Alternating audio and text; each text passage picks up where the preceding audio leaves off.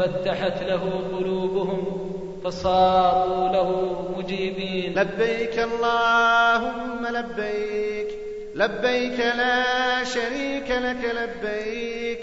إن الحمد والنعمة لك والملك لا شريك لك. إنه يعلن استجابته لله عز وجل. للذين استجابوا لربهم الحسنى للذين استجابوا لربهم الحسنى. لذلك أحبتي في الله ما وفد وافد يسير على الحجاج. أحب إلى الله من وافد على بيته. إن أول بيت وضع للناس للذي ببكة مباركا وهدى للعالمين.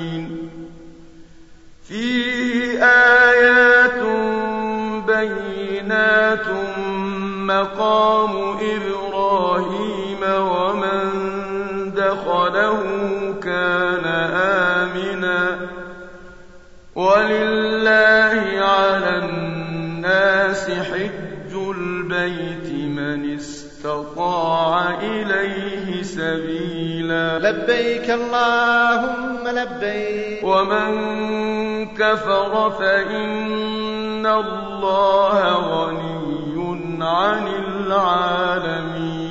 لبيك لا شريك لك لبيك. وأتموا الحج والعمرة لله. لبيك اللهم لبيك. فاجتنبوا الرجس من الأوثان واجتنبوا قول الزور. لبيك لا شريك لك لبيك. الحج أشهر معلومات. فمن فرض فيهن الحج فلا رفث ولا فسوق ولا جدال في الحج. لبيك اللهم لبيك. وتزودوا فإن خير الزاد التقوى. لبيك اللهم لبيك. فإذا أفضتم من عرفات فاذكروا الله عند المشعر الحرام. لبيك اللهم لبيك. ثم أفيضوا من حيث أفاض الناس واستغفروا الله. لبيك اللهم لبيك. وأذان من الله ورسوله إلى الناس.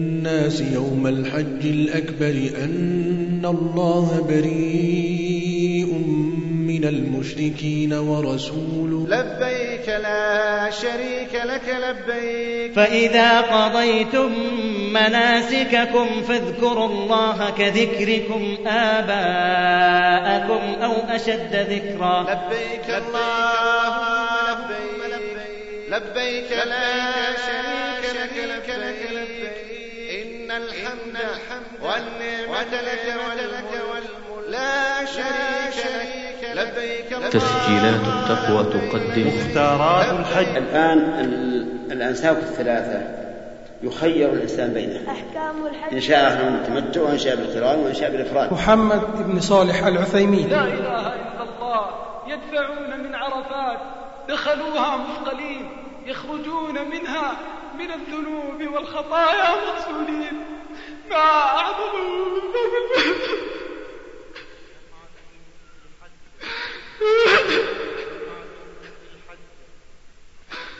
لا إلا الله. محمد المختار الشنقيطي. ينطلق الإنسان إلى المسعى من طريقه. يعني من جهة الحجر الأسود ينطلق وهو أقرب الأماكن إلى الصفا عمر بن سعود العيد. احرص عليها وسجلها ودور لها واحد واحد وانت تحج أي نعم حتى يكون حجك مبرورا. سعيد بن مسلم لقد كان أهل الجاهلية يعلنون الشرك الصراح وهم يلبون ويجاهرون به. فيقولون في تلبيتهم لبيك لا شريك لك إلا شريكا هو لك تملكه وما ملك. فجاء الإسلام بتلبية التوحيد والإخلاص وإعلان البراءة من الشرك. محمد بن عبد الله الدويش ومنها أيضا أي من نواقض كلمة لا إله إلا الله رفض حكم الله ورسوله والتحاكم إلى غيرها إلى غيرهما من القوانين الوضعية. القوانين الجاهلية التي ابتلي بها المسلمون في هذا العصر. بشر ابن فهد البشر أمرا مهما نحب أن ننبه عليه. صلاة الجماعة يغفلها كثير من الحجاج فترى الإنسان منهم من يصلي وحده ومنهم من لا يصلي إلا على راحته ينام فإذا استيقظ صلى على راحته. وهذا من الجهل والخطأ. عمر بن سعود العيد. حتمي خرجك يا جائر وہ ایسے ہیں جیسے اللہ کی رامی جہاد کی غرض سے خرچ کیا جائے۔ ون یو ریفلیکٹ آنسری از اے فلفلمنٹ of the prophecy made in the Quran. The Quran describes that when Prophet Abraham built that house, God ordained him. جمال بدوي Bertanyalah kepada orang yang berilmu tentang masalah-masalah agama dan ibadah haji. مصلح ابن عبد الكريم الأندونيسي مختارات الحج مجموعة محاضرات ودروس عن الحج تعين المسلم على فهم مناسك الحج على ضوء الكتاب والسنة. مختارات الحج. تصلح للإهداء والتوزيع الخيري. مختارات الحج. لفاعل الخير وأئمة المساجد والدعاء وحملات الحج والجمعيات الخيرية مختارات الحج. يمكن الحصول عليها بسعر لبيك منخفض اللهم لبيك. لبيك لا شريك لك لبيك. والآن مع هذه المادة. وهي بعنوان أحكام الحج. لفضيلة الشيخ محمد بن صالح العثيمين. إن الحمد لله نحمده ونستعينه ونستغفره ونعوذ بالله من شرور أنفسنا ومن سيئات أعمالنا. من يهده الله فلا مضل له ومن يضلل فلا هادي له وأشهد أن لا إله إلا الله وحده لا شريك له وأشهد أن محمدا عبده ورسوله. صلى الله عليه وعلى آله وأصحابه ومن تبعهم بإحسان إلى يوم الدين. أما بعد ففي هذه الليلة ليلة الثلاثاء الثاني والعشرين من شهر ذي القعدة عام أربعة عشر وأربعمائة وألف يسر الله لنا وله الحمد والمنة أن نلتقي بإخواننا في جامع الراجحي في الرياض في الربوة. وهذا اللقاء سوف نتكلم فيه على موضوعين. الموضوع الأول الموضوع الأول الأضاحي وما يتعلق بها والموضوع الثاني الحج وما يتعلق به. فأما الموضوع الأول فنقول إن من نعمة الله ورحمة الله وحكمة الله أنه سبحانه وتعالى شرع لعباده عبادات في مواسم معينة تتكرر عليهم في العام مرة أو مرتين. وأنه شرع في هذه الأيام أعني أيام شهر ذي الحجة شرع لعباده عبادات عبادات عامة وعبادات خاصة. فأما العامة فإن العمل الصالح في عشر ذي الحجة أحب إلى الله سبحانه وتعالى من أي عمل كان لقول النبي صلى الله عليه وعلى آله وسلم ما من أيام العمل الصالح فيهن أحب إلى الله من هذه الأيام العشر. قالوا ولا الجهاد في سبيل الله؟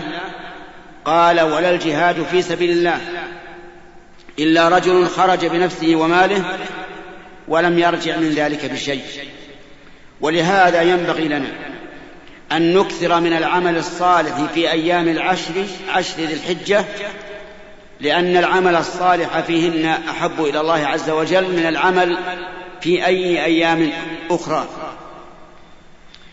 من الذكر والتسبيح وقراءة القرآن والصلاة والصدقة والصوم وغير ذلك من الأعمال الصالحة وقد أغفل كثير من المسلمين هذه الأيام العشر. فلا تكاد تجد أحدا يكثر فيها من العمل الصالح كما يكثر من العمل الصالح في أيام عشر رمضان الأخيرة. مع أن العمل في أيام العشر عشر ذي الحجة أحب إلى الله من العمل في أيام في أيام العشر الأواخر من رمضان. والقائل لهذا محمد رسول الله عليه الصلاة والسلام. ما من أيام العمل الصالح فيهن أحب إلى الله من هذه الأيام العشر. ما من أيام أي أيام؟ كل الأيام. لهذا ينبغي لنا أن نحرص في أيام العشر الأول عشر الحجة أن نحرص على الأعمال الصالحة. قال العلماء ويشرع في هذه الأيام التكبير والإعلان به في المساجد في الأسواق في البيوت وصفته أن يقول الله أكبر الله أكبر لا إله إلا الله والله أكبر الله أكبر ولله الحمد. وإن كبر ثلاثا فلا حرج لأن, لأن الأمر واسع. ومما يشرع مشروعية عامة الأضاحي. فالأضاحي مشروعة لأهل الأقطار. والحج والعمرة مشروعة لأهل مكة ومن كان فيها من الآفاقيين. فلما شرع الله للمسلمين الحج والعمرة جعل لأهل الأقطار عبادة أخرى تقارب عبادة الحج والعمرة بما فيها من الذبائح. ولهذا كانت الأضحية سنة مؤكدة عند أكثر العلماء وواجبا يأثم بتركه عند بعض العلماء. فمذهب أبي حنيفة رحمه الله ورواية عن الإمام أحمد أن الأضحية واجبة على القادر. وبذلك قال شيخ الإسلام ابن تيمية قال إن الأضحية على القادر واجبة. فمن لم يضحي وهو قادر فإنه آثم على هذا القول. ومن لم يضحي وهو قادر فإنه قد فاته خير كثير على القول الأول. لهذا نحث إخواننا الأغنياء نحثهم على أن يضحوا. ولكن الأضحية عمن تكون. أتكون عن الأموات كما يظنه كثير من العامة في بلادنا؟ أم هي عن الأحياء؟ الجواب الأضحية عن الأحياء. ودليل ذلك سنة رسول الله صلى الله عليه وعلى آله وسلم. فإن النبي صلى الله عليه وعلى آله وسلم لم يضحي عن أحد من أمواته فقد ماتت بناته الثلاث ومات أولاده وما واستشهد عمه العباس في أحد وماتت زوجته خديجة رضي الله عنها وزوجته زينب بنت خزيمة رضي الله عنها ولم يضحي عن أحد منهم أبدا وإنما ضحى عنه وعن أهل بيته. لكن إذا أوصى الميت بأضحية تضحى عنه فهنا يجب تنفيذها. أما الأضحية عن من الحي عن الميت فالمشروع أن يجعل الأضحية عن نفسه وعن أهل بيته. وإذا نوى بقوله أهل بيته إذا نوى أمواته كأبيه وأمه الأموات فلا بأس. ثم إن الأضحية عبادة مؤقتة بوقت محددة بشيء بنوع معين من من البهائم. ولهذا نقول إنه من غير الأفضل أن يدفع الإنسان دراهم ليضحى بها في بلاد أخرى كالصومال مثلا والأفغان وكشمير وغيرها. نقول إن دفع الدراهم ليضحى هناك ليس بصواب. لماذا؟ لأنك تدفع بذلك شعيرة من شعائر الإسلام التي شرعت في الأقطار حتى ينتشر فيها الذبح لله عز وجل. وليس المقصود بالأضحية مجرد الانتفاع باللحم فإن الله يقول لن ينال الله لحومها ولا دماؤها ولكن يناله التقوى منكم.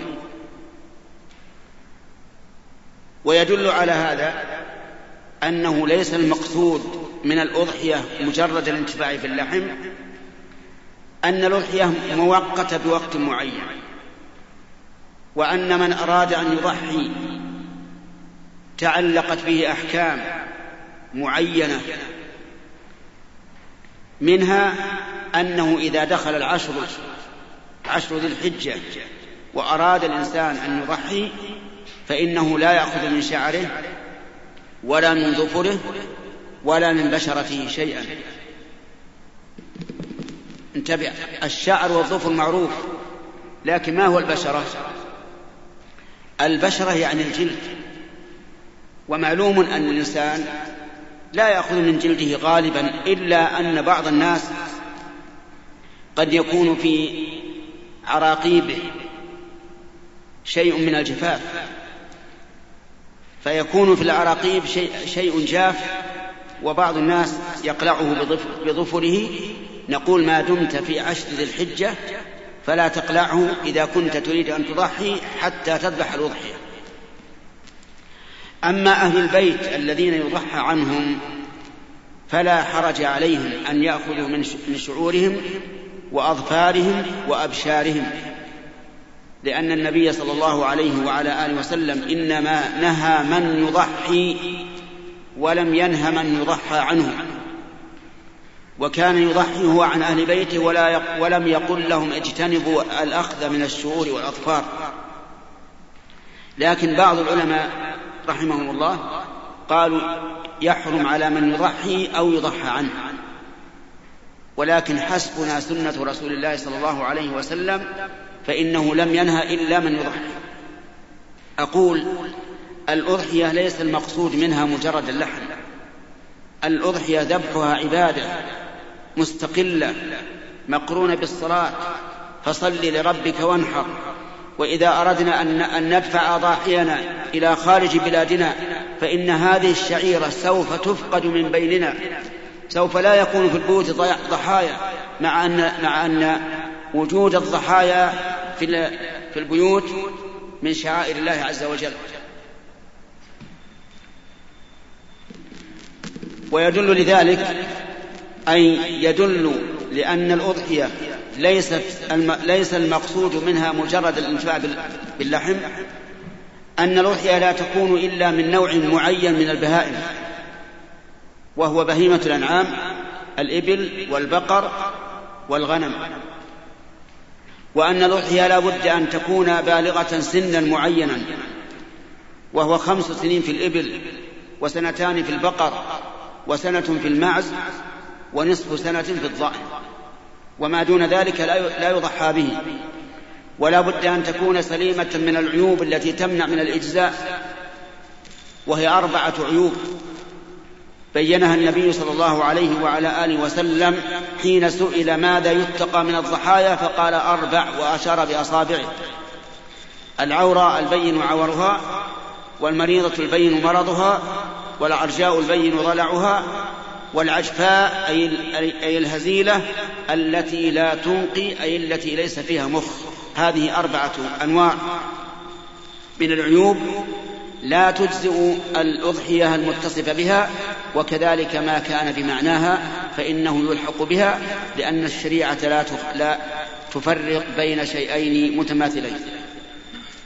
كذلك الأضحية لا تجزي إلا في وقت معين وهي من صلاة من صلاة العيد يوم النحر إلى غروب الشمس يوم الثالث من أيام التشريق. فمن ذبح قبل الصلاة فلا فليست أضحية ومن ذبح بعد انتهاء أيام التشريق فليست أضحية ويدل لذلك قول النبي صلى الله عليه وعلى آله وسلم من عمل عملا ليس عليه أمرنا فهو رد. ومن ضحى في غير وقت الأضحية المحدد شرعا فقد عمل عملا ليس عليه أمر الله ورسوله. ويدل لهذا أيضا أن النبي صلى الله عليه وعلى آله وسلم لما انتهى من صلاة العيد يوم النحر خطب الناس وقال من ذبح قبل الصلاة فلا نسك له. وشاته شاة لحم. فقام رجل يقال له أبو بردة ابن نيار قال يا رسول الله إني ذبحت نسكي قبل أن أن أصلي ليطعم أهلي. فقال له النبي صلى الله عليه وعلى آله وسلم شاتك شاة لحم. إذا هل المقصود من الأضاحي مجرد الانتفاع باللحم. أجيب لا. الأضاحي عبادة محددة معينة. لأنه لو كان المقصود الانتفاع باللحم لكان الإنسان يشتري لحما ويتصدق به يوم العيد. أهم شيء الذبح لله عز وجل. كما قال تعالى لي ينال الله لحومها ولا دماؤها ولكن يناله التقوى منكم ثم إنك إذا أخرجت دراهم ليضحى عنك في بلاد أخرى فقد خالفت أمر الله. لأن الله تعالى قال كلوا منها وأطعموا البائس الفقير. وهل يمكن أن تأكل من أضحيتك وهي تضحى في الصومال؟ أجب. لا. إذا خالفت أمر الله. وقد قال كثير من العلماء إن الأكل من الأضحية واجب يأثم الإنسان بتركه. وبهذا نعرف أن الدعوة إلى استجداء الدراهم ليضحى خارج البلاد دعوة غير سليمة وأنه لا ينبغي للإنسان أن يساهم في ذلك بل يضحي في, في بيته وعند أهله وتظهر شعائر الإسلام في البلاد ومن أراد أن ينفع إخوانه في أماكن محتاجة فلينفعهم بالدراهم والثياب وغير ذلك. أما شعيرة من شعائر الإسلام يتقرب إلى الله بذبحها وأكل والأكل منها فإنه لا ينبغي أبدا أن يفرط الإنسان بها.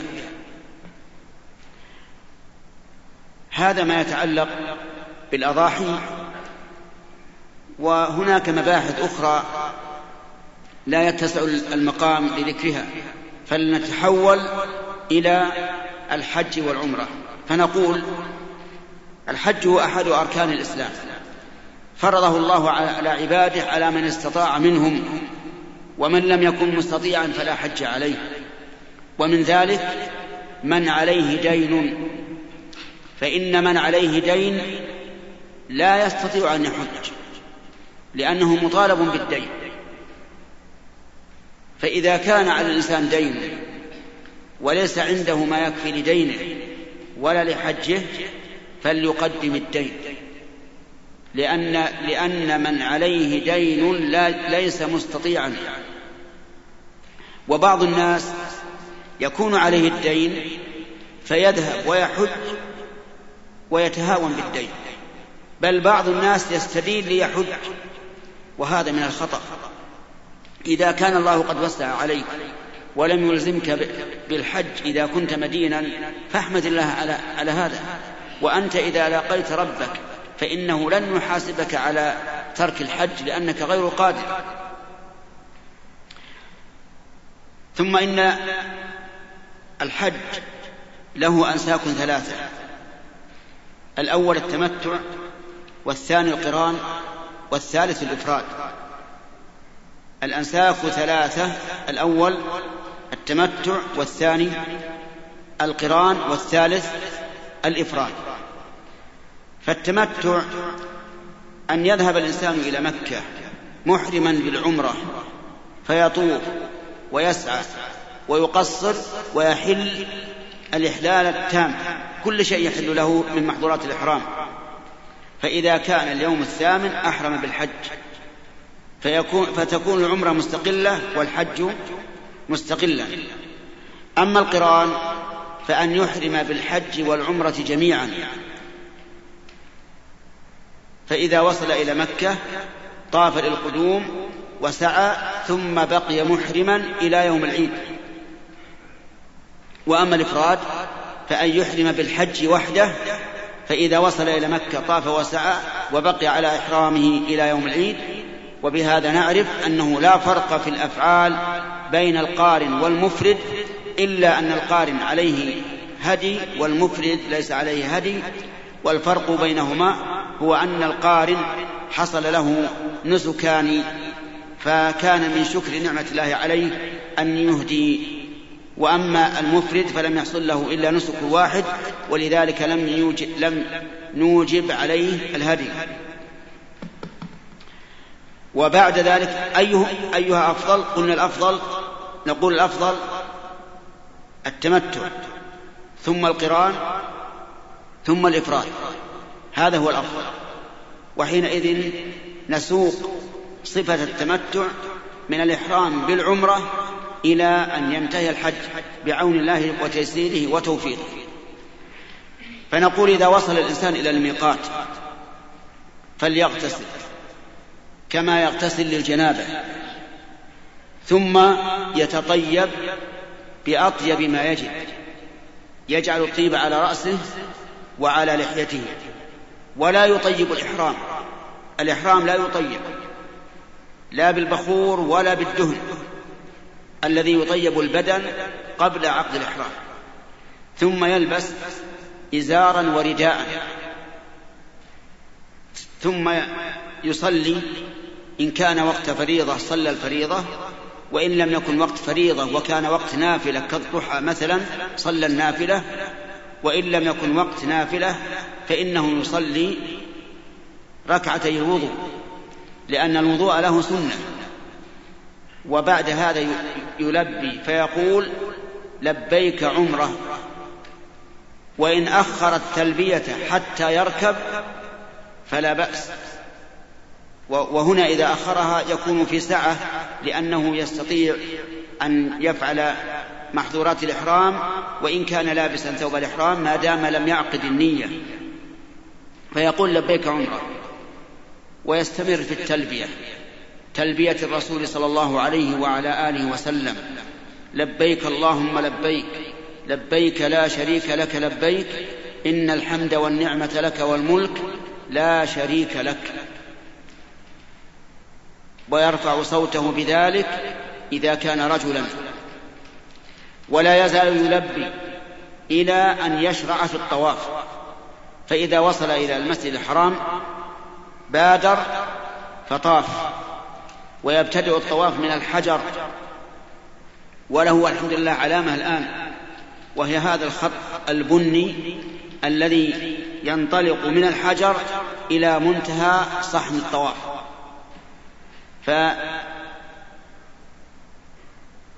فيبدأ يبتدئ الطواف من الحجر. ثم يجعل الكعبة عن يساره ويطوف سبعة أشواط. وفي هذا الطواف يسن أن يفعل شيئين الشيء الأول أن يطبع في جميع طوافه والاطباع أن يجعل وسط الرداء تحت الإبط الأيمن وطرفي الرداء على الكتف الأيسر في جميع الطواف. والشيء الثاني أن يرمل في الأشواط الثلاثة الأولى فقط. وفي الأربعة الباقية يمشي عاديا عاديا. والرمل قال العلماء هو الإسراع في المشي دون أن يمد خطوته. تكون الخطى عادية لكن يسرع. وليس الرمل ما نشاهد من بعض الحجاج أن يهز الكتفين هكذا لا. الرمل أن يسرع المشي ولكن بدون أن يمد الخطى. كم يرمل الثلاثة الأشواط الأولى فقط. فماذا يقول في طوافه؟ نقول عند استلام الحجر أول مرة أو الإشارة إليه إن عجز عن استلامه أو شق عليه يقول بسم الله والله أكبر اللهم إيمانا بك وتصديقا بكتابك ووفاء بعهدك واتباعا لسنة نبيك محمد صلى الله عليه وسلم. ثم يقول ما شاء من ذكر ودعاء وقرآن حتى يصل إلى الركن اليماني. فيستلمه يعني يمسح بيده اليمنى كما فعل في الحجر. وإن لم يتيسر فإنه لا يشير إليه. بخلاف الحجر الأسود. الحجر الأسود إذا لم يتيسر له أن يستلمه أشار إليه. أما الركن اليماني فإنه لا يشير إليه لعدم وروده عن النبي صلى الله عليه وعلى آله وسلم. ويقول بين الركنين الركن اليماني والحجر يقول ربنا آتنا في الدنيا حسنة وفي الآخرة حسنة وقنا عذاب النار. فإن فرغ من هذا قبل أن أن يصل إلى الحجر هل يسكت؟ الجواب لا. يكرر. يكرر ربنا آتنا في الدنيا حسنة وفي الآخرة حسنة وقنا عذاب النار لأن المقام مقام دعاء. فإذا حاذ الحجر الأسود كبر. فقط. ولا يقول بسم الله والله أكبر بل يقول الله أكبر. وهنا أنبهكم بارك الله فيكم إلى أنه يوجد في أيدي كثير من الحجاج كتيبات. فيها دعاء الشوط الأول دعاء الشوط الثاني وقد نص العلماء رحمهم الله على أن هذا بدعة.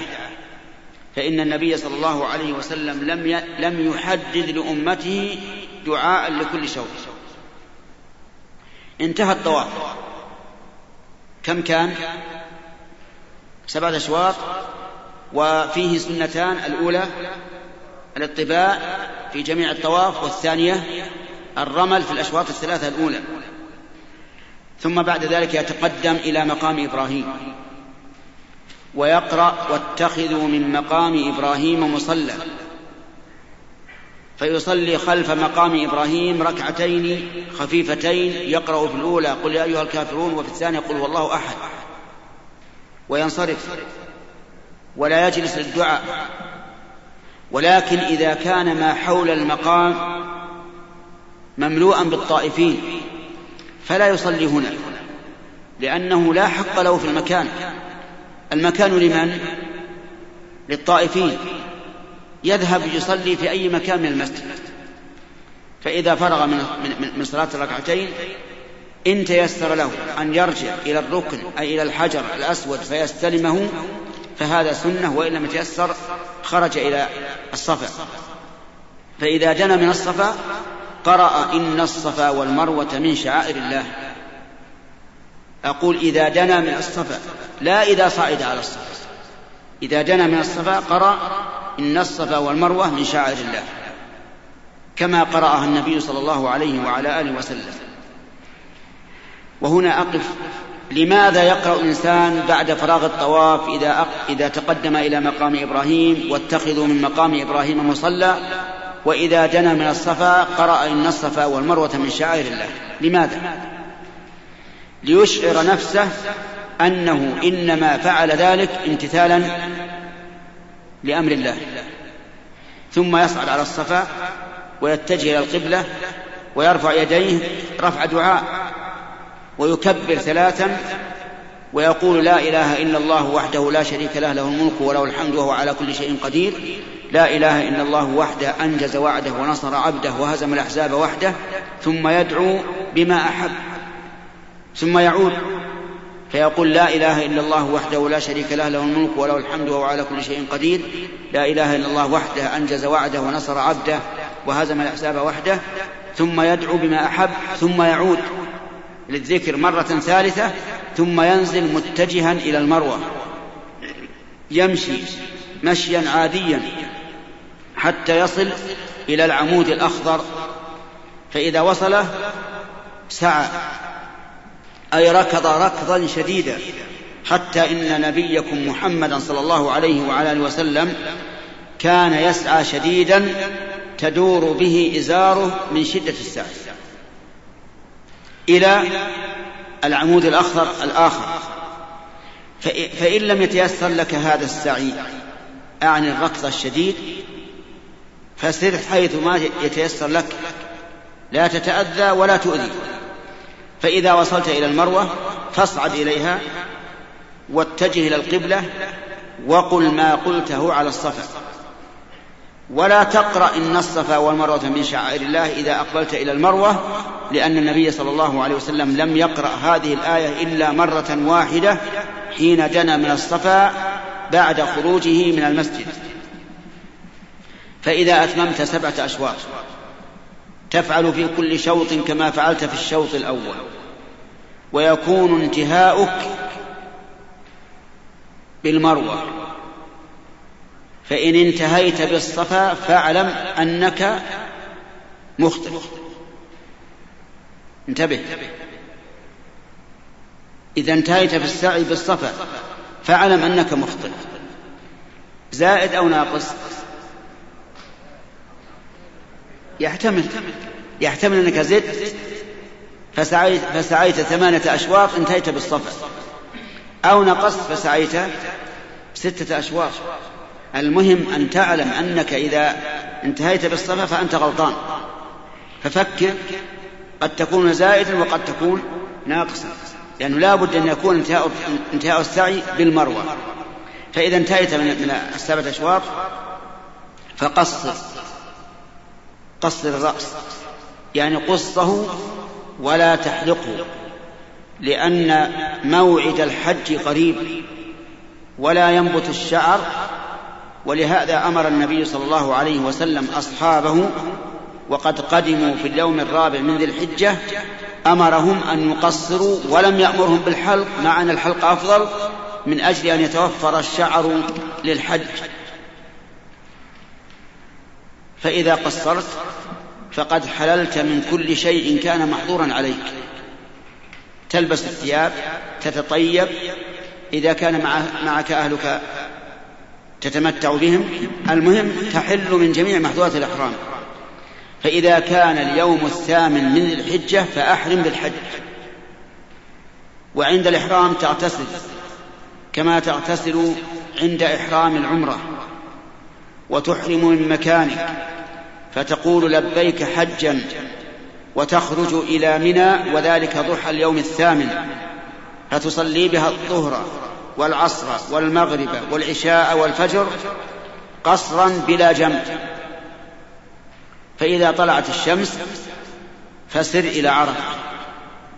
وانزل بنمرة إن تيسر لك ونمرة ليست من عرفة. بل هي خارج عنها. لكن نزلها الرسول صلى الله عليه وعلى آله وسلم والله أعلم من أجل أن يستريح فيها لأنها كانت مكانا ذا أشجار كثيرة. ثم إذا زالت الشمس فادفع من نمرة إلى عرفة. وإن لم يتيسر لك النزول بنمرة كما هو الواقع الآن فلا حرج أن تستمر في السير من منى إلى عرفة وتنزل هناك وتصلي الظهر والعصر جمع تقديم. إن تيسر لك أن تصلي مع الإمام في مسجد نمرة فهذا إن تيسر أن تصلي مع الإمام في في مسجد عرنة فهذا هو الأفضل. وإلا فلا حرج عليك أن تصلي مع أصحابك في خيمتك. وينبغي للحاج أن يستمع إلى خطبة الإمام في ذلك اليوم. وهذا والحمد لله في وقتنا الحاضر متيسر بأي وسيلة؟ إيش؟ عن طريق الإذاعة.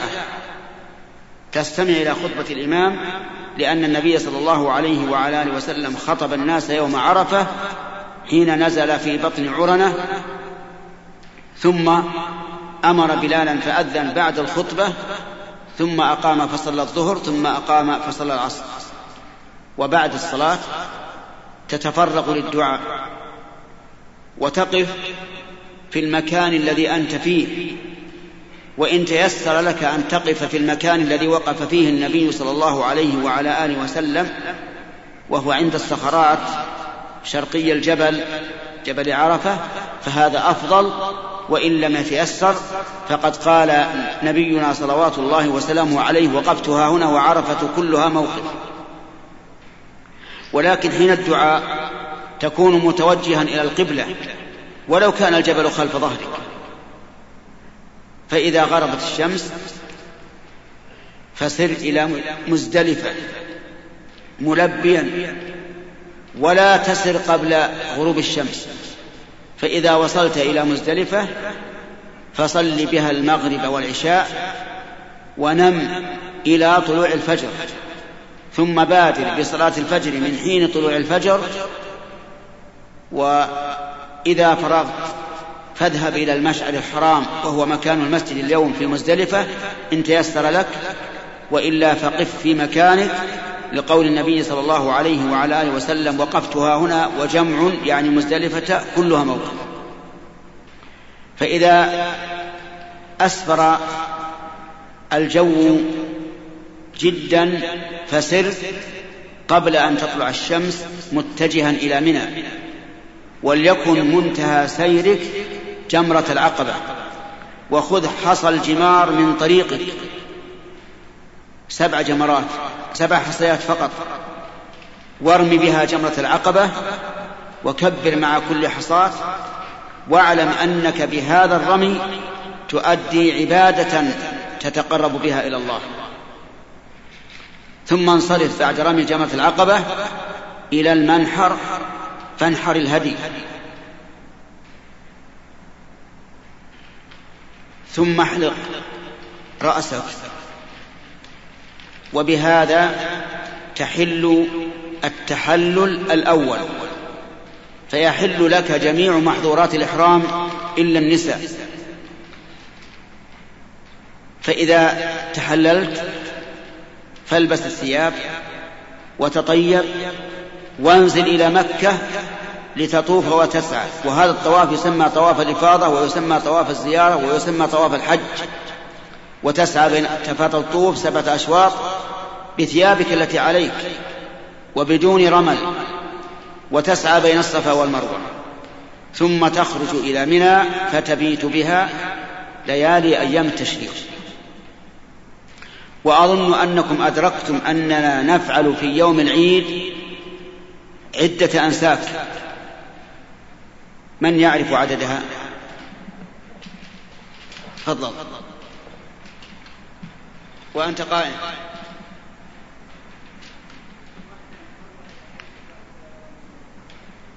ها؟ نعم. نعم. نعم. نعم. والخامس؟ السعي. السعي. نعم. خمسة. يعني يوم العيد يفعل الحجاج خمسة أشياء. أولها رمي جمرة العقبة ثم النحر ثم الحلق ثم الطواف ثم السعي. وترتيبها على هذا الوجه هو الأكمل والأفضل. فإن قدمت بعضها على بعض فلا حرج لأن النبي صلى الله عليه وعلى آله وسلم سئل يوم العيد عن التقديم والتأخير فما سئل عن شيء قدم ولا أخر إلا قال افعل ولا حرج. وهنا أسئلة. أولا لو دفع الإنسان من مزدلفة إلى مكة رأسا وطاف وسعى ثم رجع إلى منى ورمى ونحر وحلق فهل يجوز؟ الجواب للعموم يجوز أو لا يجوز ذهب من مزدلفة إلى إلى مكة وطاف وسعى ثم رجع ورمى ونحر وحلق فهل هذا جائز؟ جائز. طيب. دفع من مزدلفة ومر بالمنحر فنحر بعد طلوع الشمس قبل أن يرمي. جائز أو غير جائز؟ جائز. طيب. نزل إلى مكة ووجد أن المسعى واسع وأن المطاف مزدحم فسعى قبل أن يطوف.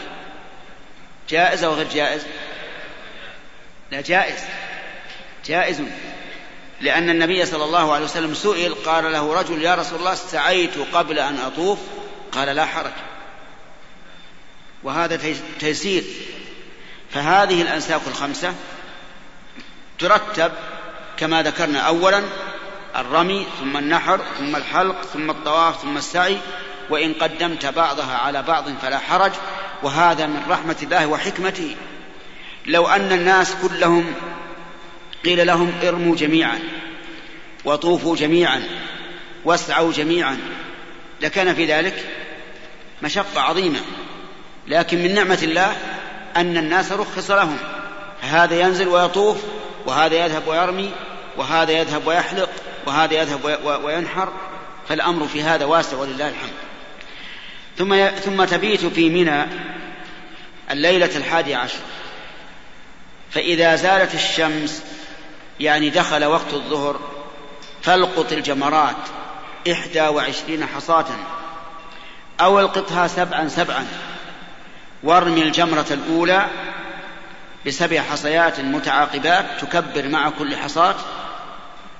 ثم إذا فرغت تتقدم قليلا لئلا يصيبك الحصى وتتجه إلى القبلة وتدعو الله دعاء طويلا. ثم تنحدر إلى الجمرة الوسطى وترميها بسبع حصيات متعاقبات تكبر مع كل حصاة ثم تنحدر وتقف مستقبل القبلة رافعا يديك تدعو الله تعالى دعاء طويلا ثم إلى جمرة العقبة وترميها بسبع حصيات ولا تقف بعدها. تفعل هذا في اليوم الحادي عشر وفي اليوم الثاني عشر وفي اليوم الثالث عشر إن تأخرت. وبهذا يتم الحج. وإذا أردت السفر إلى بلادك فلا تخرج حتى تطوف للوداع بالثياب التي عليك وبدون رمل.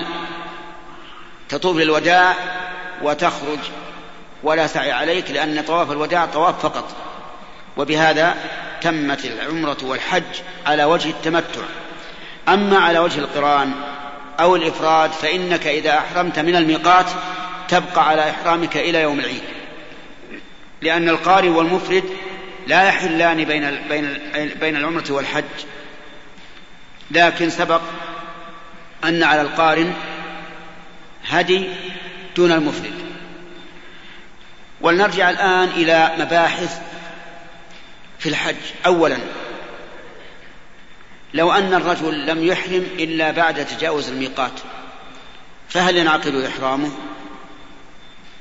يعني رجل مر بالميقات ولكن لم يحرم إلا بعد أن تجاوز الميقات وهذا يكثر في الذين يسافرون عن في الطائرة. تجده لا يهتم بالميقات ولا يحرم إلا من جدة. فهل إحرامه صحيح؟ أو غير صحيح. نقول إحرامه صحيح ولكنه ترك واجبا وعليه فدية يذبحها في مكة ويوزعها على الفقراء. ثانيا آه علمنا الآن أن في الحج ست وقفات. علمنا أن في الحج ست وقفات. ليس وقوفا واحدا بل ست ست وقفات نعدها على الصفا وعلى المروة وفي عرفة وفي مزدلفة وبعد الجمرة الأولى وبعد الجمرة الوسطى. هذه ست وقفات ينبغي للإنسان أن لا يفرط فيها ولكن الأمر واسع في مسألة الإطالة وعدم الإطالة حسب ما يتيسر لك. ثالثا ذكرنا أن الحاج يبيت في منى ليلة التاسع. فلو أن الحاج ذهب إلى عرفة رأسا ولم يبت في منى ليلة التاسع فهل حجه صحيح؟ الجواب نعم صحيح ولا شيء عليه. ولكنه فاته السنة. والدليل على صحته أن عروة بن المضرس بن المضرس رضي الله عنه صادف النبي صلى الله عليه وسلم وهو يصلي بمزدلفة صلاة الفجر وأخبره أنه ما ترك جبلا إلا وقف عنده فقال له النبي صلى الله عليه وسلم من شهد صلاتنا هذه ووقف معنا حتى ندفع وقد وقف قبل ذلك بعرفة ليلا أو نهارا فقد تم حجه. رابعا لو دفع من عرفة قبل الغروب هل يصح حجه؟ دفع قبل الغروب فهل يصح حجه؟ الجواب نعم لأنه أتى بالركن ولكنه آثم وعليه فدية تذبح في مكة وتوزع على الفقراء. خامسا في مزدلفة قلنا إنه يبقى إلى متى؟ ها؟ حتى يصلي الفجر ويدعو الله تعالى حتى يسبر لكن لو دفع قبل الفجر فهل هذا جائز؟ نقول إذا كان الإنسان ضعيفا يشق عليه مزاحمة الناس أو تابعا لضعيف فله أن يدفع في آخر الليل. وكانت أسماء بنت أبي بكر رضي الله عنهما كانت إذا غاب القمر دفعت. فإذا كنت تخشى من الزحام وتعرف أنك سيشق عليك مشقة عظيمة فادفع في آخر الليل من مزدلفة. سادسا رمي الجمرات. هل هو عبادة أم ماذا؟ أجيب. عبادة. ولهذا لا يجوز لنا أن نعتقد أننا نرمي الشياطين. فإن هذا لا أصل له يصح عن النبي صلى الله عليه وعلى آله وسلم. وانظر أن هذا الاعتقاد كيف أدى إلى مفاسد عظيمة. صار كثير من الحجاج الجهال يأتون لرمي الجمرات بعنف شديد وغضب وحنق. أحيانا نسمعهم يشتمونه ويلعنون الجمرة والعياذ بالله. يعتقدون إيش؟ أنها شيطان. وربما يأخذون أحجار كبيرة. ورأيناهم يرمون بالنعال والخفاف والأخشاب لأنهم يعتقدون أنهم يرمون الشيطان. مع أن الشيطان يدفع بغير هذا. بماذا؟ بالاستعاذة. وإما ينزغنك من الشيطان نزغ فاستعذ بالله. ولقد شاهدت رجلا وامرأته قبل أن تبنى الجسور على الجمرات شاهدته وهو على الحجارة الصغيرة في وسط الحوض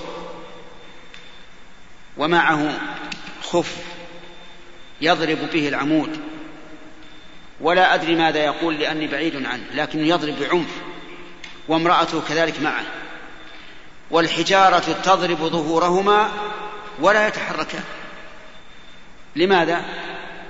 يعتقدان أنهما في أفضل قربة على وجه الأرض. أنه, أنه يضرب العمود بالخفاف.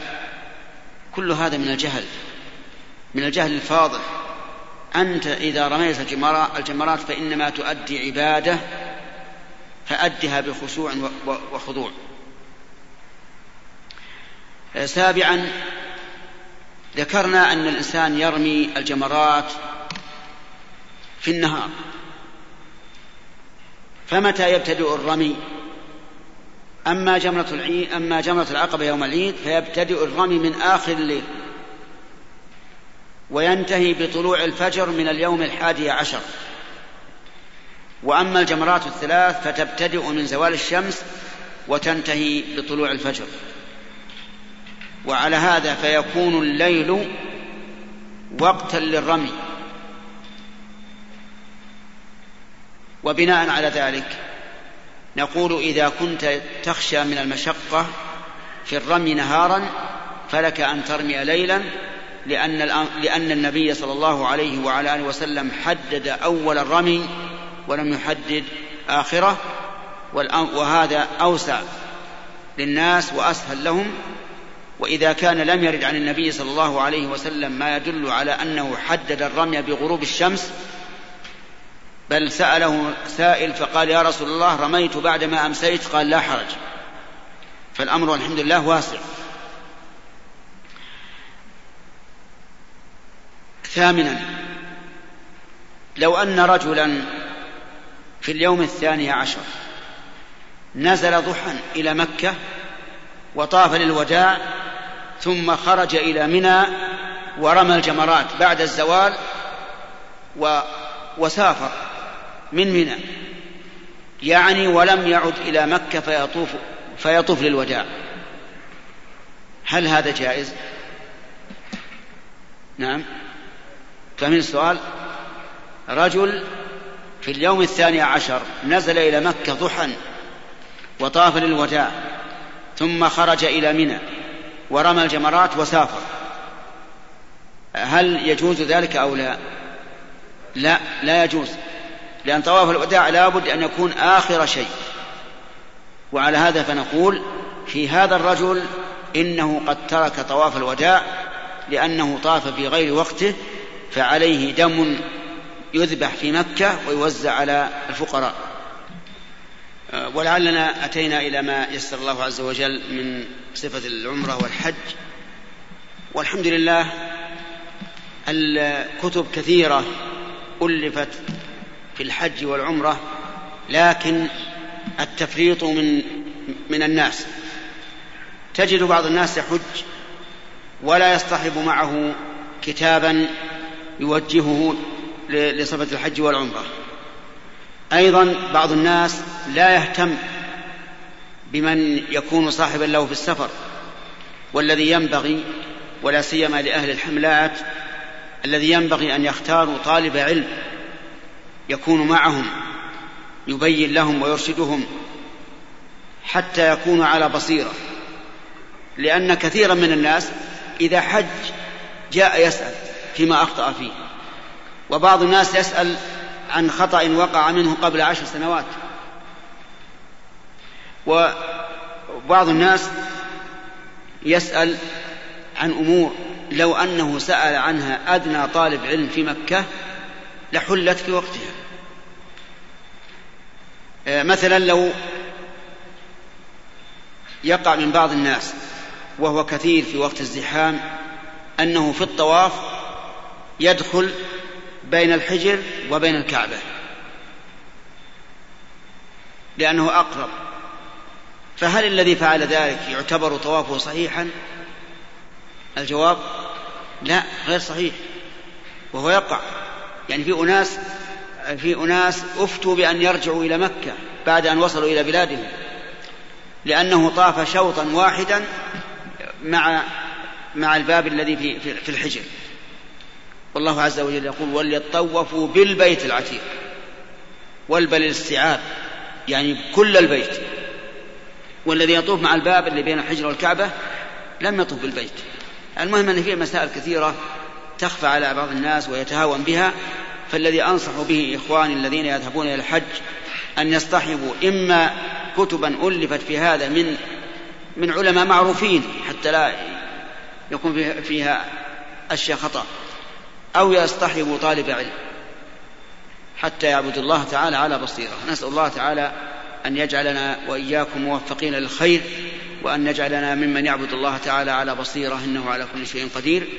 وسيكون إن شاء الله توزيع كتاب في المناسك لمن أراد أن يحج. سيكون إن شاء الله بعد الصلاة.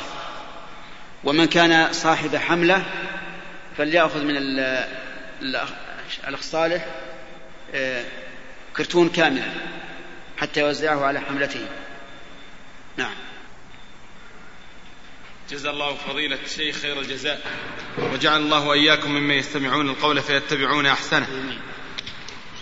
كثر السؤال حول مسألة المحرم للخادمات اللواتي ليس معهن محرم فهل يخرجن مع مجموعة من النساء علما أنهن يتشوقن للحج وقد يكون سببا لمجيئهن لهذه البلاد. فما رأي فضيلتكم؟ جزاكم الله خيرا. رأيي أنه لا يجوز للمرأة أن تسافر للحج بلا محرم. لأنه ثبت في الصحيحين عن ابن عباس رضي الله عنهما قال سمعت النبي صلى الله عليه وسلم يخطب يقول لا يخلون رجل بامرأة إلا ومعها ذو محرم ولا تسافر امرأة إلا مع ذي محرم. فقام رجل فقال يا رسول الله إن امرأتي خرجت حاجة وإني اكتتبت في غزوة كذا وكذا. فقال انطلق فحج مع امرأتك. فأمره النبي صلى الله عليه وعلى آله وسلم أن يدع الغزو وأن يحج مع امرأته. فلا يجوز لأحد أن يمكن خادمته من الحج بلا محرم. ويقال للخادمة أنت والحمد لله في حل في حل من من الحج لأن المرأة التي لا تجد محرما لا يجب عليها الحج. كالفقير الذي لا يجد مالا. المرأة التي لا تجد محرما عاجزة عجزا شرعيا والفقير الذي لا ليس له مال عاجز عجزا حسيا. ولم يوجب الله الحج إلا على من استطاع إليه سبيلا. فتطمئن هذه الخادمة ويقال الحمد لله الحج ليس واجبا عليك ولو مت للقيت الله عز وجل ولا إثم عليك. نعم. جيت من غير محرم من هناك. نعم إذا قالت إني جئت من هناك بغير محرم نقول إذا عصيت الله مرة هل تعصينه مرة أخرى؟ هذا ليس بحجة. ثم تكون معصية أيضا في طاعة. أنت ذهبت إلى الحج وهو طاعة فكيف تعصين الله في الطاعة؟ هذا سائل يقول ما حكم ما حكم من لبس الإحرام وعليه والإزار الذي عليه مزرورا بصدف أو بشيء من من الحديد الذي يربط كأنه مخيط؟ الإزار ولا الرداء يقص الإزار. هذا الرداء الرداء الرداء هو اللي مسكسك أولا الإزار كما تعلمون يجوز أن أن يعقد عليه الإنسان عقدة تمنعه من الانحلال ومن النزول. الإزار الأسفل. أما الآلة فهو الرداء. الأفضل في الرداء أن لا تزره لا بمشبك ولا بغيره. لكن لو احتجت إلى زره فلا بأس. والذي يخشى منه ما يفعله بعض الناس في الرداء يشبكه بمشابك من ثغرة نحره إلى أسفل بطنه حتى يصبح هذا الرداء وكأنه قميص وهذا لا ينبغي. أما زره بمشبك واحد لأجل أن يثبت ولا سيما لمن حركته كثيرة فهذا لا بأس به. هذا سائل يقول في الأضحية هل يجوز أن يضحي الوالد عن أولاده ولو كانوا متزوجين ويسكنون في بيوت خاصة بهم؟ كل بيت عليه أضحية فإذا كان الإنسان له أبناء متفرقون كل واحد في بيت مع أهله فكل واحد يضحي عنه وعن أهل بيته. أما لو كان الأبناء عنده ولو كان لهم أهل متزوجون فالأضحية تجزي عن أهل البيت الواحد ولو كانوا عددا كثيرا. نعم. هذا سائل يقول ألم يرد دليل على أن التحلل الأول يكون بفعل الرمي فقط؟ بل ورد دليل على أن من رمى جمرة العقبة يوم العيد فقد حل من كل شيء إلا من النساء. وبه أخذ كثير من أهل العلم. لكن الأحوط القول الثاني أن لا يحل حتى يرمي ويحلق. ويشير إلى هذا حديث عائشة رضي الله عنها قالت كنت أطيب النبي صلى الله عليه وعلى آله وسلم لإحرامه قبل أن يحرم ولحله قبل أن يطوف بالبيت. ولو كان يحل قبل ذلك يعني قبل الحلق لقالت ولحله قبل أن يحلق. فلما قالت ولحله قبل أن يطوف بالبيت دل هذا على أن الحل يتأخر عن الحلق. وهذا هو الأقرب وهو الأحوط أيضا. فلا ينبغي أن تتعجل في الحل حتى ترمي جمرة العقبة يوم جمرة العقبة يوم العيد وحتى تحلق رأسك. هذا سائل يقول هل تلزمني نفقة الحج للأبناء والبنات والإخوان ممن أعولهم والذين لم يقضوا فريضة الحج أم تسقط عنهم تلك الفريضة حتى يمتلكوا نفقة الحج؟ الحج من العبادات وليس من الكفايات. ولهذا يجب على الإنسان أن ينفق على أبنائه وبناته الذين لا يستطيعون الإنفاق على أنفسهم ولا يلزمه أن يعطيهم نفقة الحج. لأن الحج عبادة. إن استطاعها الإنسان بنفسه فعلها وإن لم يستطعها فإنه لا يلزم غيره فعلها. ولو قلنا بأنه يجب على الأب أن يعطي أولاده من بنين أو بنات إذا كانوا غير قادرين على الحج ليؤدوا الفريضة لكان لكان خلاف قوله تعالى ولا تزر وازرة وزر أخرى. فالمهم أن الأب لا يلزمه أن يعطي أولاده لا, بنين لا البنين ولا البنات شيئا يحجون به بل إن استطاعوا حجوا بأموالهم وإن لم يكن لهم مال فلا حج عليهم الأولاد. الأولاد الأولاد سواء بنين أو بنات.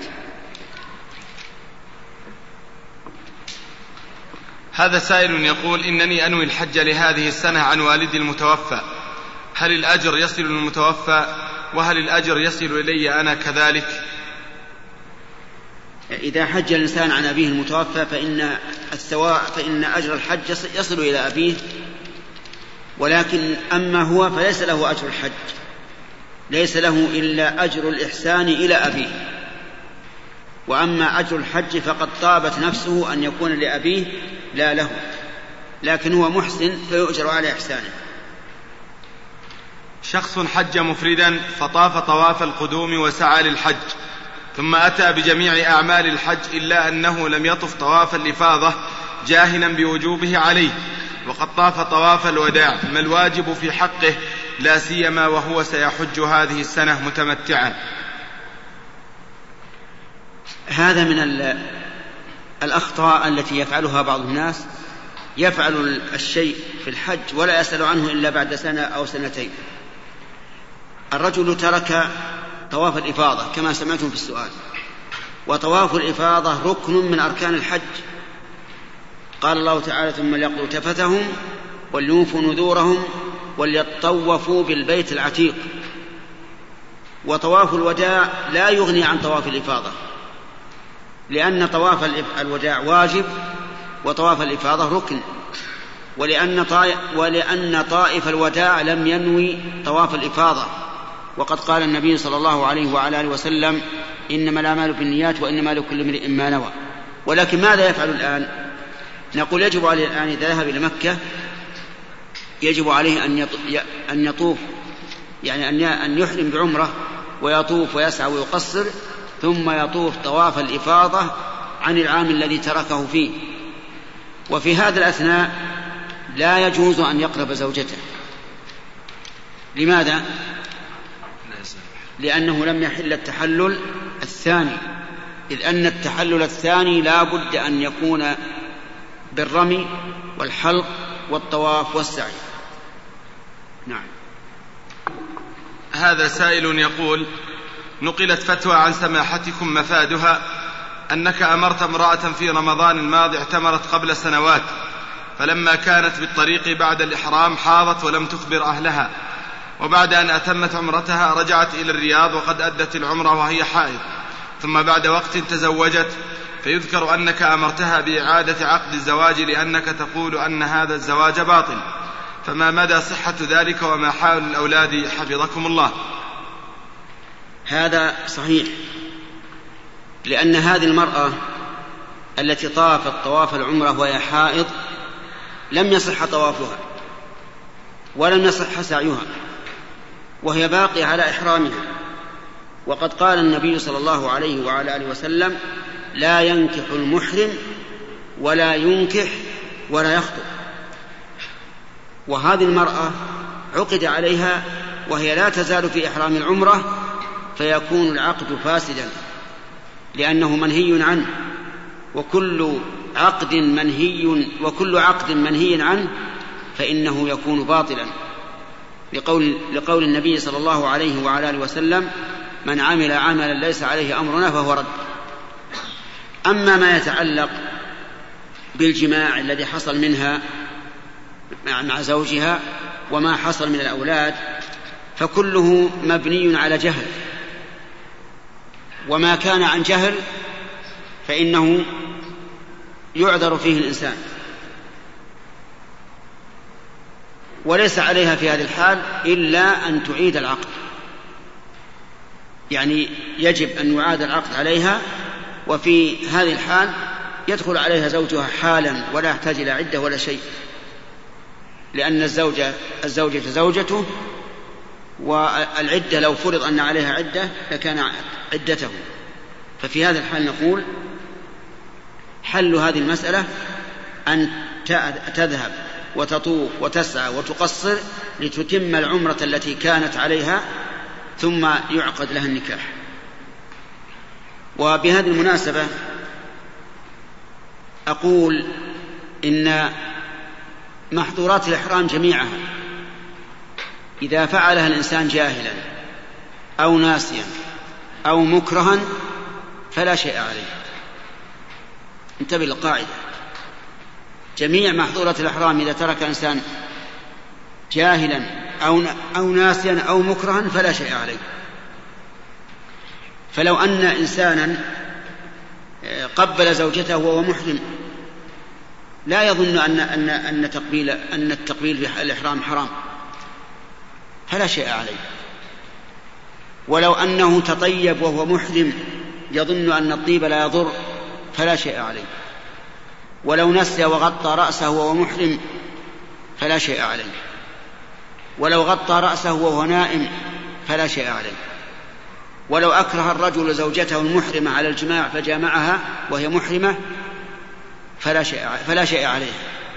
لكن هو يأثم إذا كانت إذا كان حجها فريضة أو كان قد أذن لها بالحج. نعم. طيب لو جامع. وجاهل.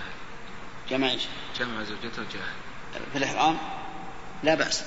هذا يسأل الشيخ صالح مع أني قلتها لكن لعله جماع ما قلت قلت جميع محظورات الإحرام. إذا فعل الإنسان جاهلا أو ناسيا أو مكرها فلا شيء عليه. جميع المحظورات حتى الجماع. لو جامع وهو محرم يظن أنه لا شيء عليه. فحجه صحيح. حجه صحيح. وهذا يقع كثيرا في الصيام. يعني كثيرا ما يسألنا بعض الناس. يقول أنا أظن أن الجماع المحرم في الصيام إذا كان فيه إنزال. وإذا لم يكن فيه إنزال فلا, فلا شيء فيه. فنقول كل إنسان يفعل محظورا جاهلا أو ناسيا أو مكرها فلا شيء عليه. ومن أين أخذنا هذا القاعدة؟ أخذناها من آيات عامة ومن, ومن قضايا خاصة. الآيات العامة قال الله سبحانه وتعالى ربنا لا تؤاخذنا إن نسينا وأخطأنا. فماذا قال الله؟ قال الله قد فعلت. يعني لا أؤاخذكم إذا نسيتم أو أخطأتم وقال تعالى وليس, وليس عليكم جناح فيما أخطأتم به ولكن ما تعمدت قلوبكم. وقال تعالى في الصيد في الإحرام ومن قتله منكم متعمدا فجزاء مثل ما قتل من النعم. يعني ومن قتل غير متعمد فلا شيء عليه. كذلك أيضا تكلم معاوية بن الحكم وهو يصلي. والكلام في الصلاة حرام ومبطل للصلاة. ولكنه كان جاهلا. ولم يأمره النبي صلى الله عليه وعلى آله وسلم بالإعادة. وقصة معاوية بن الحكم آه، أطلب ممن يعرفها أن يحدثنا بها. قصة معاوية بن الحكم أنه دخل مع النبي صلى الله عليه وسلم في الصلاة. فعطس رجل من القوم فقال الحمد لله. العاطس لأن الحمد حمد العاطس وهو يصلي لا بأس به. فقال له معاوية يرحمك الله. وهذا خطاب ولا, ولا لا؟ خطاب كلام. فرماه الناس بأبصارهم يعني جعلوا ينظرون إليه بأبصارهم. فقال واثكل أمياه كلام آخر. فجعلوا يضربون على أفخاذهم يسكتونه فسكت. فلما انصرف النبي صلى الله عليه وسلم من صلاته دعاه. قال معاوية فبأبي هو وأمي ما رأيت معلما أحسن تعليما منه. صلى الله عليه وسلم. والله ما كهرني ولا نهرني وإنما قال إن هذه الصلاة لا يصلح فيها شيء من كلام الناس إنما هي التسبيح والتكبير وقراءة القرآن. ولم يقل أعد الصلاة. لماذا؟ لأنه جاهل. وفي الصيام قال النبي صلى الله عليه وسلم من نسي وهو صائم فأكل أو شرب فليتم صومه. إذا الحمد لله على نعمه. لما كان الإنسان ضعيفا يلحقه الجهل ويلحقه النسيان ويلحقه الإكراه عفى الله عن ذلك كله. ولكن متى ذكرت وجب عليك تجنب المحظور. يعني لو نسيت وغطيت رأسك ثم ذكرت يجب عليك فورا أن تكشف رأسك. نعم. هل يجوز الجمع بين طواف الإفاضة وطواف الوداع؟ الجمع بين طواف الإفاضة وطواف الوداع يقع على وجهين. الوجه الأول أن يطوف للإفاضة أولا ثم للوداع ثانيا. وهذا لا إشكال في جوازه. الوجه الثاني أن يطوف طوافا واحدا ينوي به الإفاضة والوداع. فنقول هذا أيضا جائز. وهنا أنبهكم على هذه المسألة. رجل لم يطف للإفاضة وطاف عند السفر ونوى طواف الوداع فقط فهل يسقط طواف الإفاضة؟ لا. لأن طواف الإفاضة ركن. رجل آخر طاف طواف الإفاضة فقط يعني لم ينوي إلا طواف الإفاضة فقط هل يسقط طواف الوداع؟ انتبه يا ولد رجل طاف طواف الإفاضة فقط عند الخروج ومشى هل يسقط هل يسقط بذلك طواف الوداع؟ نعم يسقط يسقط ليش؟ كما لو أن الرجل دخل المسجد وصلى الراتبة فإنها تسقط تحية المسجد. رجل ثالث طاف عند سفره ناويا طواف الإفاضة وطواف الوداع. هل يكفي أو لا يكفي؟ لماذا تتوقفون؟ يكفي. ليش؟ لقول النبي صلى الله عليه وسلم إنما الأعمال بالنيات وهذا نوى طواف الإفاضة وطواف الوداع. ما يضر. الساعي لا يضر نعم. أي نعم. ما يضر أي نعم. ما رأيكم في من يقول من حج فرضه فليفسح لغيره كما يقول بعض العامة؟ أرى أن أن أن هذا اجتهاد في غير محله. لأن النبي صلى الله عليه وسلم قال العمرة إلى العمرة كفارة لما بينهما والحج المبرور ليس له جزاء إلا الجنة. كل إنسان يحب أن يحج حجا مبرورا لينال الجنة. وبهذه المناسبة أود أن أنبه إلى شيء إلى شيء يجتهد فيه بعض الناس وهو وهو أن كثيرا من الناس ولا سيما العوائل يحجون بأولادهم الصغار. و و ويجعلونهم يحرمون. فيحصل في أيام المواسم كالحج والعمرة يحصل مشقة على الأولاد ومشقة على الآباء حتى أنه يفوت الأب شيء كثير من السنن في الطواف والسعي من أجل ملاحظة أولاده. ويقول إني أريد بذلك الأجر.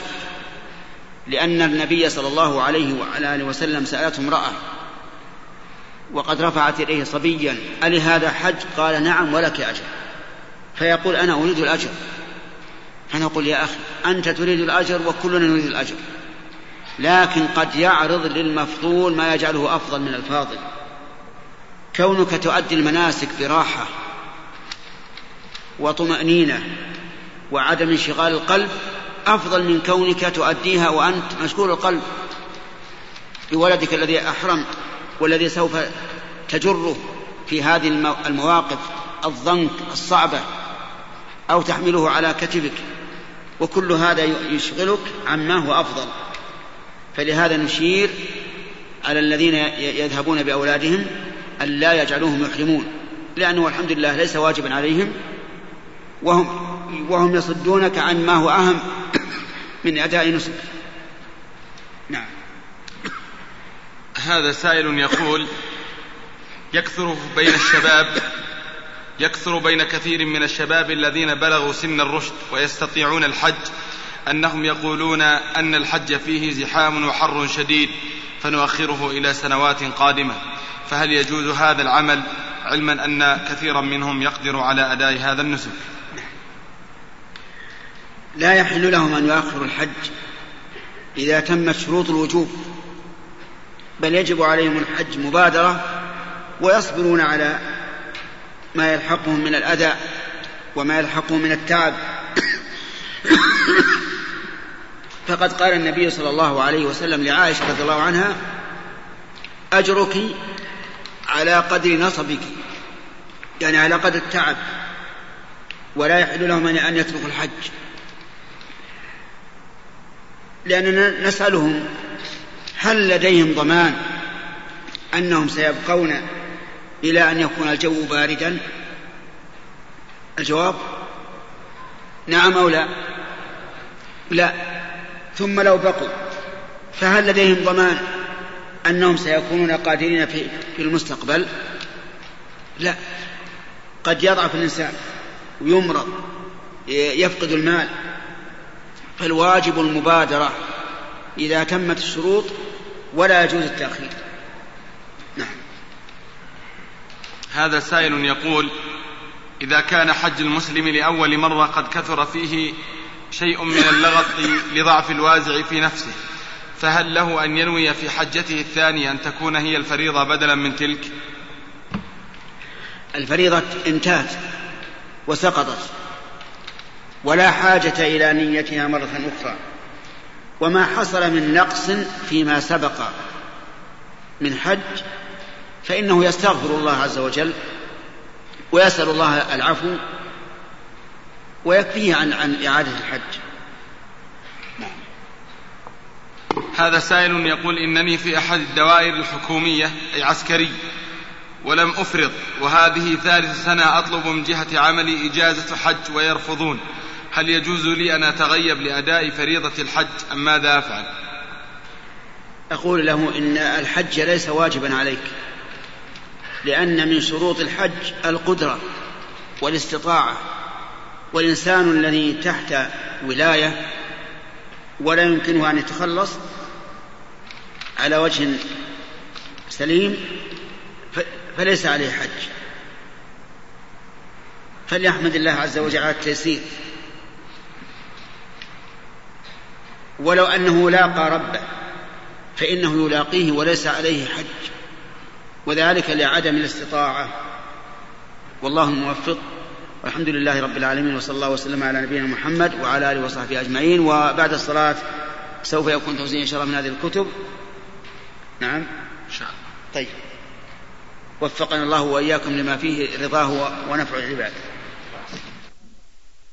جزى الله الشيخ خيرا على ما قدم وجعله في ميزان حسناته ونفعنا وإياكم بما سمعنا. وفي الختام نوصيك أخي الحاج وأنت قد انتهيت من حجك. وصدرت عن البيت صدرت وكلك شوق ورحمة وحنين أن يرحمك الله بقبول الحجة. وناديه وناديه وقل يا رب اقبل حجتي واغفر ذنبي وضع عني إصري. ادعوه دعاء المضطر. أمن يجيب المضطر إذا دعاه ويكشف السوء ويجعلكم خلفاء الأرض أإله مع الله قليلا ما تذكرون ادعوه دعاء المستغيث المستجير به جل شأنه. حتى إذا انتهيت من ذلك فاجعل في نفسك طمعا عند الله ألا يجعله آخر العهد ببيته.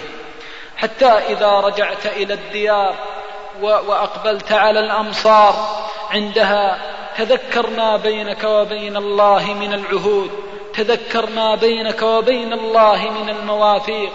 وقل بلسان الحال والمقال توبة نصوح إن ربك من بعدها لغفور رحيم. قال بعض العلماء من علامة قبول الحج أن يكون العبد بعد الحج أصلح منه حالا قبل الحج. يا عبد الله إذا لبيت لله فاعلم أنك قد عاهدت الله على توحيده فإياك أن ترجع والعياذ بالله بالله مشركا. إن الله لا يغفر أن يشرك به ويغفر ما دون ذلك لمن يشاء ويغفر ما دون ذلك لمن يشاء.